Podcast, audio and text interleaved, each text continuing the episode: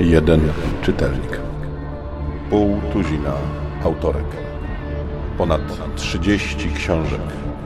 Największy quest fantazy drugiej dekady XXI wieku. Godaj ponownie wkracza do świata czarów.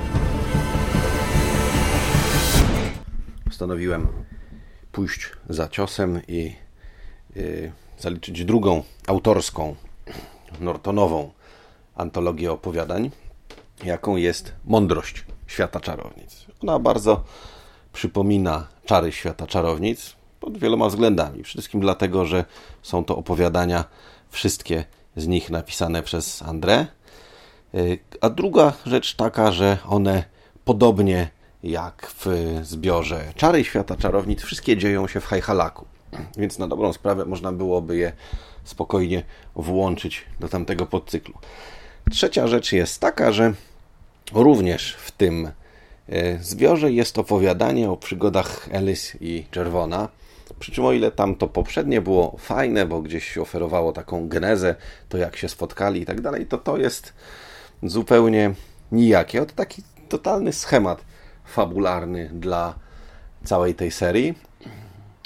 Ona ściga ludzi, którzy jego porwali. Oni chcą go gdzieś tam na odłogi wywieźć, a tam jakiś czarny pan, nie przymierzając, straszny władca czegoś tam, skądś tam, po czymś tam jakiś strażnik, to chce wyssać z niego życie. Wszystko to już dawniej było. I to nie tak, że w poprzednich cyklach czy coś, tylko nawet chronologicznie po datach napisania, wszystko to już w twórczości Andre Norton występowało. I wystarczy.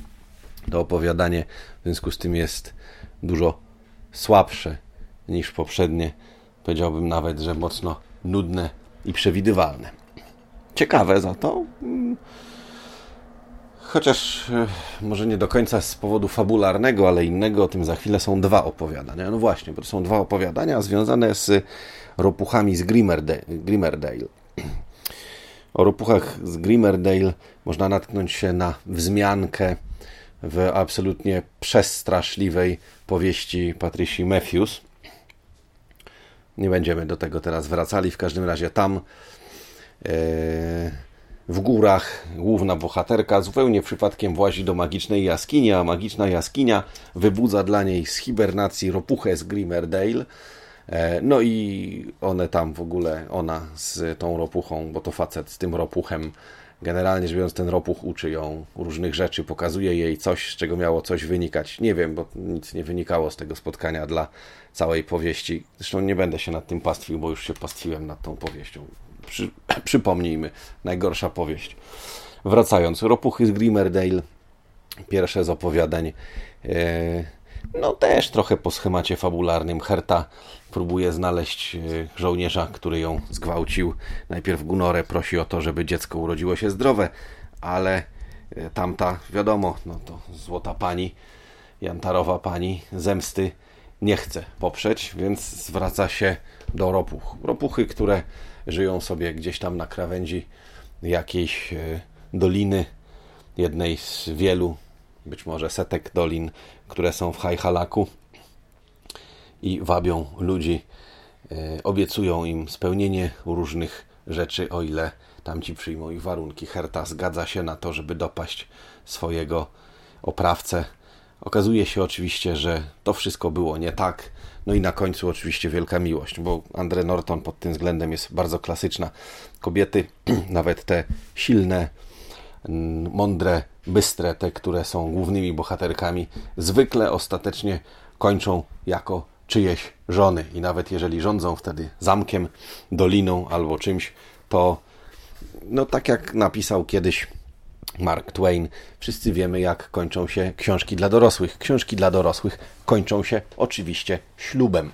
Andre Norton zdaje się hołdować tej zasadzie, ale tym razem nie jest tak lekko, bo ukazuje się w drugim z opowiadań o Hercie i jej e, wybrańcu, najemniku, że dziecko, które Herta nosiła, e, przejęło od niej przekleństwo ropuch z Grimaideli. Jest generalnie strasznie brzydkie, ma wyłupiaste oczy i prawdopodobnie duszę czegoś dużo starszego. W związku z tym Herta znowu idzie do Gunory i ta nakazuje jej uwięzić ropuchy z Grimaildale przy pomocy magicznych kamieni. No i oczywiście pojawia się urzeczony najemnik, przed którym ona oczywiście uciekała, no bo kto będzie chciał mieć dzieciaka odmieńca, no a on oczywiście przecież kocha ją tak? No im się udaje. I przyznam się szczerze, że e, opowiadań w tym zbiorze jest dużo więcej, ale pamiętam tylko te dwa, mimo że skończyłem go czytać tydzień temu.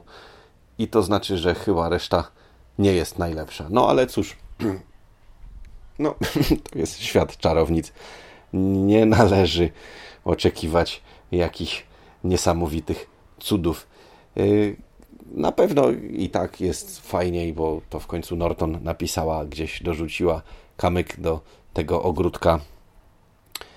Yy, rzeczy te nie są jakieś szczególnie wybitne, ale w tych dwóch zbiorach jest prawdopodobnie więcej dobrego materiału niż yy, w całym podstawowym sześcioksiągu Wielkiego Poruszenia, który poza wygnanką to w zasadzie jakoś tak nieszczególnie mi podszedł. Teraz, cóż, teraz czeka mnie dużo trudniejsze zadanie, bo czekają na mnie zbiory czworo ze świata czarownic oraz trzytomowe e, opowieści ze świata czarownic, które w Polsce akurat dla odmiany były czterotomowe.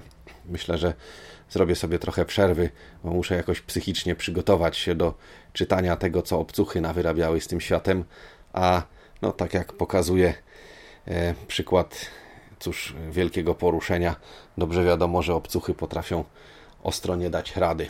A potem jeszcze Wording of the Witch World z jakiegoś powodu w Polsce podzielony na dwa tomy i powiem Wam szczerze, czekam na ten moment, kiedy zrecenzuję tę ostatnią książkę i będę mógł nagrać podcast taki podsumowujący cały ten quest, bo to już to już się ciągnie. Pozdrawiam.